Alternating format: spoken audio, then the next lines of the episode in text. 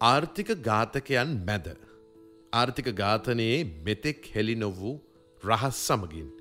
හිටපු මහබැංකු අධිපති අජිත් නිවාඩ් කබ්‍රාල් මහත්මා විසින් රචිත ග්‍රන්ථය. දෙදස් විසි දෙකේ ඔක්තෝබර් මාසේ තමයි මෙය ජනගත කෙරෙන්නේ. දහවෙනි පරිච්චේදය. ජාත්‍යන්තර මූල්‍ය අරමුදලට කලින් ප්‍රවේශ නොවීම. ශ්‍රී ලංකාව ජාත්‍යන්තර මූල්‍ය අරමුදලේ සහය ලබා ගැනීමට පිවිසුනේ දෙදස් විසි දෙකේ මාර්තු පහළවදීය.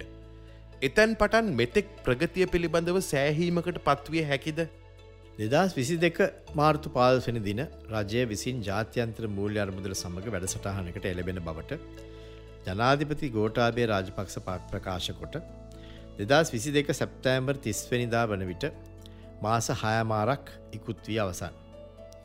තවද දෙදා විසි දෙක අප්‍රේල් දොළස්වනිදා වන විට ඒක පාර්ශිකව ණය පැහැරහැරීමේ නිවේදනය නිකුත්කොට මේ වන විට මාස පහමාරකරත් වැඩි කාලයක් ගත වී තිබෙනවා. මෙම කාල පරිච්චේදය තුළ ශ්‍රී ලංකාවට පාලම් මූලිය කරණය සහ අනිකුත් මූලිය කරන අවස්ථා සම්පූර්ණයෙන්ම ඇහිරී ගොස් තිබෙනවා. වෙනත් මුදල් ශ්‍රී ලංකාවට ලබා දෙන්නට පෙර ජාත්‍යන්ත්‍ර මූල්‍ය අරමුදල සහ ණය ප්‍රතිවීවගත කිරීම පිළිබඳ සාකච්ඡාවල ප්‍රතිඵල බලාපොරොත්තුවෙන් සිටින බව චීනය සහ ඉන්දියාව ඇතුළු ද්වීපාර්ශික ණය ලබා දෙන්නන් දැනුම් දී තිබෙනවා. ඇත්ත වශයෙන්ම ශ්‍රී ලංකා රජය විසින් ණය පැහැර හරින්නේ යයිද ජාත්‍යන්ත්‍ර මූල්‍ය අරමුදල සමඟ වැඩසටහනකට එකගත්වය සඳහා සාකච්ඡා ඇරවූ යයිද ශ්‍රී ලංකා බලධාරීන් කීප දෙනෙක් පැවසීමෙන් පසුව එවැනි ණය අත්හිටුවීමේ ස්ථාවරයක් විදේශය ණය ලබා දෙන්නන් අනුගමනය කිරීම අසාධාරණ නොවන බවත් අපිට පිළිගන්නට සිදුවෙන. ඒ අතරම දෙදස් විසි දෙක අප්‍රේල් දොළස්වනිදා වන තෙක් ශ්‍රී ලංකාවේ විවිධ පලාත්වල ක්‍රියාත්මක වෙමින් තිබූ විශාල ව්‍යාපෘති රාශයක් ජනාධිපතිවරයාගේ උපදේශකයන්ගේ සොෆ් ඩිෆෝල්ට් කරනවායයි කියන ඒ උපදෙස් කෙසේ වුවත් දැනටමත් ඒ ඒ ණය ලබා දෙන රටවල් විසින් අත්හිටුව ඇති බව තොරතුරු හෙළි දරව වෙමින් පවතිනවා.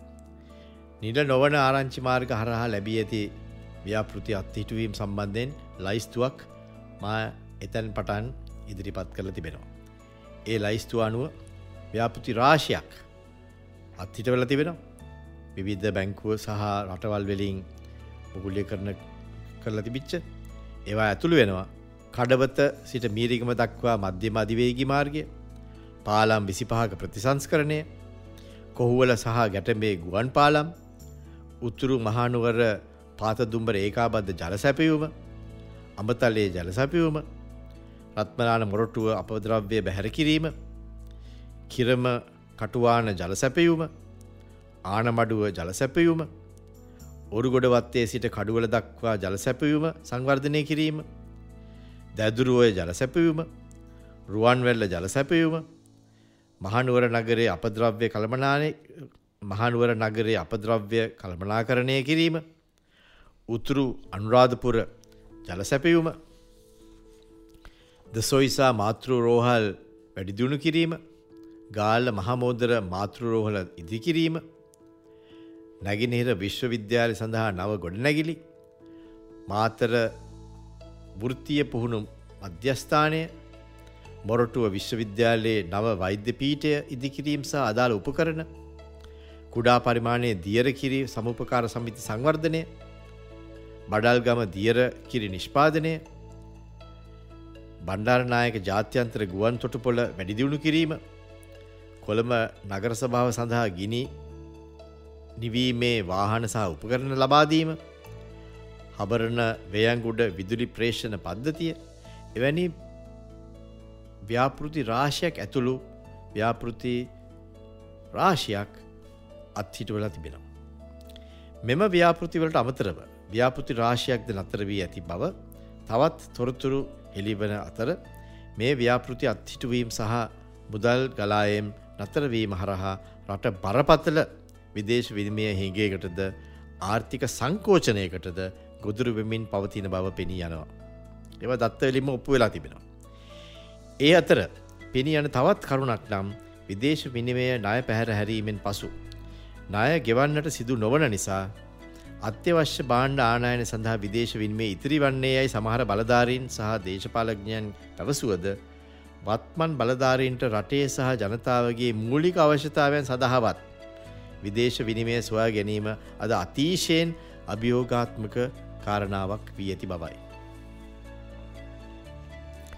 එපමණක් නොව උද්ධමනය දැන් සීට හැත්තාවකට ඉතා ආසන්න මට්ටමකට වැඩි වී ඇති අතර මහබැංක අධිපතිවරයට අනුව එය තවදුරටත් පැඩිවිෙන ඇතැයි අපේක්ෂා කරේ. බාණ්ඩාගාර බිල්පත් වාර්ෂිකව පොලි අනුපාතවල කඩයි මට්ටම කටෝ් ලෙවල්ස් දැනටමත් සියට තිස්පහ ඉක්මවා ඉහළ ගොස් තිබෙනවා. මහබැංකු විසින් ප්‍රතිපත්ති පොලි අනුපාත ඉහළ දැමීමෙන් පසු සිදු වූ පොලි අනුපාත ඉහළ යාම නිසා මාස හයක් තුළ රජයට දැරීමට සිදුව ඇති අතිරේක පොලි අනුපාතය පොලි පිරිවැය දැනටමත් රුපියල් බිලියන පන්සිය හතලියක අති දැවන්ත මුදලක් ඉක්මවා ගොස් තිබෙනවා. එය අටවැනි පරිච්චේද ඉතා පැහැදිලිව පෙන්නල දිල තිබෙනවා. මාස්පතා එම පිරිවැය රුපියල් බිලියන සීයක පමණ මුදලකින් වැඩි වෙනවා. එම වැඩිවෙන පොලියත් රජයේ ණය තෝගයට එකතු වෙනවා. තව ටික දිනකින් සමහර රටවල සිදුව ඇති ආකාරයට ජාත්‍යන්ත්‍ර මූල්‍ය අරමුදලේ බැලපෑමට යටත්ව බහන්්ඩාගාර බිල්පත් නිකුත් නිකුත්තු සඳහා රජය විසින් කරනු ලබන ඉල්ලීම් වලට මහබැංකුට ඉඩ නොදෙන්නට සිදුවන්නටත් පුළුවන්. එසේ වුවහොත් සමහර විට රජයට සිය දේශීය ණයද අනිවාර්යයෙන්ම පැහැරහැරීමට වෙනවා. එසේ නැත්තම් පොඩි අනුපාත තවදුරටත් ඉහළ යෑමට ඉඩ දෙන්නට සිදුවෙනවා. අද වන විට ජාත්‍යන්ත්‍ර මූල්‍ය අරමුල්ද සමඟ වැඩසටහන ක්‍රියාත්ම කරන ආජන්ටීනාවේ මහ බැංකු ප්‍රතිපත්ති පොලි අනුපාතය සියයට හැත්ත පහක් බවද අපි මතක තබාගත්ත යුතු බව කියා සිටියට අවශ්‍යය. දැනටමත් ශ්‍රී ලංකා රුපියල දැඩි ලෙස අවප්‍රමාණය වීති වෙනවා. තවදුරටත් රුපියල අවප්‍රමාණය වන්නට නොදී එය ස්ථාවර මට්ටමක පවත්වා ගෙන යනු ලබන්නේ මහබැංකුව විසින් දෙදස් විසි දෙක මැයි දොළොස් වනිදා සිට කෘතිීම මිල පාලනයක් ක්‍රියාත්මක කරමින් එය නියම කොට ඇති නිසාය. ඒත් ජාත්‍යන්ත්‍ර මූල්‍ය අරමුදල වැඩසටහනක් නිල වශයෙන් ක්‍රියාත්මක වන්නට ආරම්භවීමෙන් පසුව මහා බැංකුවට ශ්‍රී ලංකා රුපියල කිසිදු ආකාරයකට රැක ගැනීමට ජාත්‍යන්ත්‍ර මූල්‍ය අරමුදල ඉඩ දෙන්නේ නැහැ. එසේ වුවහොත් රුපියල නිදැල්ලේ පාවීමේ විපාක ආර්ථිකයට තවදුරටත් අනිවාරයෙන්ම ව්‍යසනකාරී වෙනවාමයි. මේ වන විට ජාත්‍යන්ත්‍ර මූල්‍ය අරමුදලේ ඇතැම් දරුණු කොන්දේශි වලට රජයේ එකඟතාවය තවමත් නොලැබුණද එවැනි එකඟතාවයක් රංගදීම ලබා ගැනීමට ජාත්‍යන්ත්‍ර මූලය අරමුදල උත්සාහ කරන බවට තොරතුරු පැතර යමින් තිබෙනවා. ඒ අතරම රජය සහ මහබැංකුව එම බරපත්තල කොන්දේසි සපුරාලීමට එකඟ වූහොත් ඉතා දරුණු සමාජීය සහ දේශපාලනික අර්බුද නිර්මාණය වේ යයි දැඩි බියක් රජයේ අභ්‍යන්තර ක්ෂේත්‍රවල සහ පෞද්ගලික අංශයේ පැතිරෙනු බවද කියවෙනවා. ඒ අතරම ජාත්‍යන්ත්‍ර මූල්‍ය අරමුදලේ තීරණවලට බලපෑම් කළ හැකි සමහර බලගත්තු සමාජික රටවල්.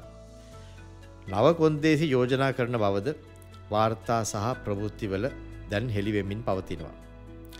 එවැනි පසුබිමක මත බේධාත්මක සමාජ සහ විදේශ ප්‍රතිපත්ති වෙනස්කම් මුලින්ම සිදු නොකර ජාත්‍යන්ත්‍ර මූල්‍ය අරමුදල වැඩසටහනකට සහ එහි අරමුදල් වෙත ශ්‍රී ලංකාවට ප්‍රවේශවීම සමහර විට ශාක්ෂාත් කර ගැනීමට සමහර බලගත්තු බලවේග ඉඩ නොදැන්නටත් පුළුවන්. ඒ අතරම ශ්‍රී ලංකාව දැන් වැටී ඇති අන්ත අසරණ තත්ත්වය නිසාද වෙනත් විකල්ප සියල්ලම පහය දැන් නැතිකරගෙන නැති නිසාද ශ්‍රී ලංකාවට බොහෝ විට එම කොන්දේසිවලට එකඟ වන්නටත් සිදුවෙනට පුළුවන්. එසේ වුවහොත් එවැනි කොන්දේසි හරහා ශ්‍රී ලංකාවේ දේශපාලන ස්ථාවරත්වය රටේ ස්වෛරීභාවය දේශපාලන ස්වාධීනත්වය සහ දේශපාලන නිදහස පවා සමහර විට මධ්‍යකාලීන සහ දිගුකාලීනව බරපතල අවධානමකට ලක්වෙනටත් ඉරිතිබෙනවා.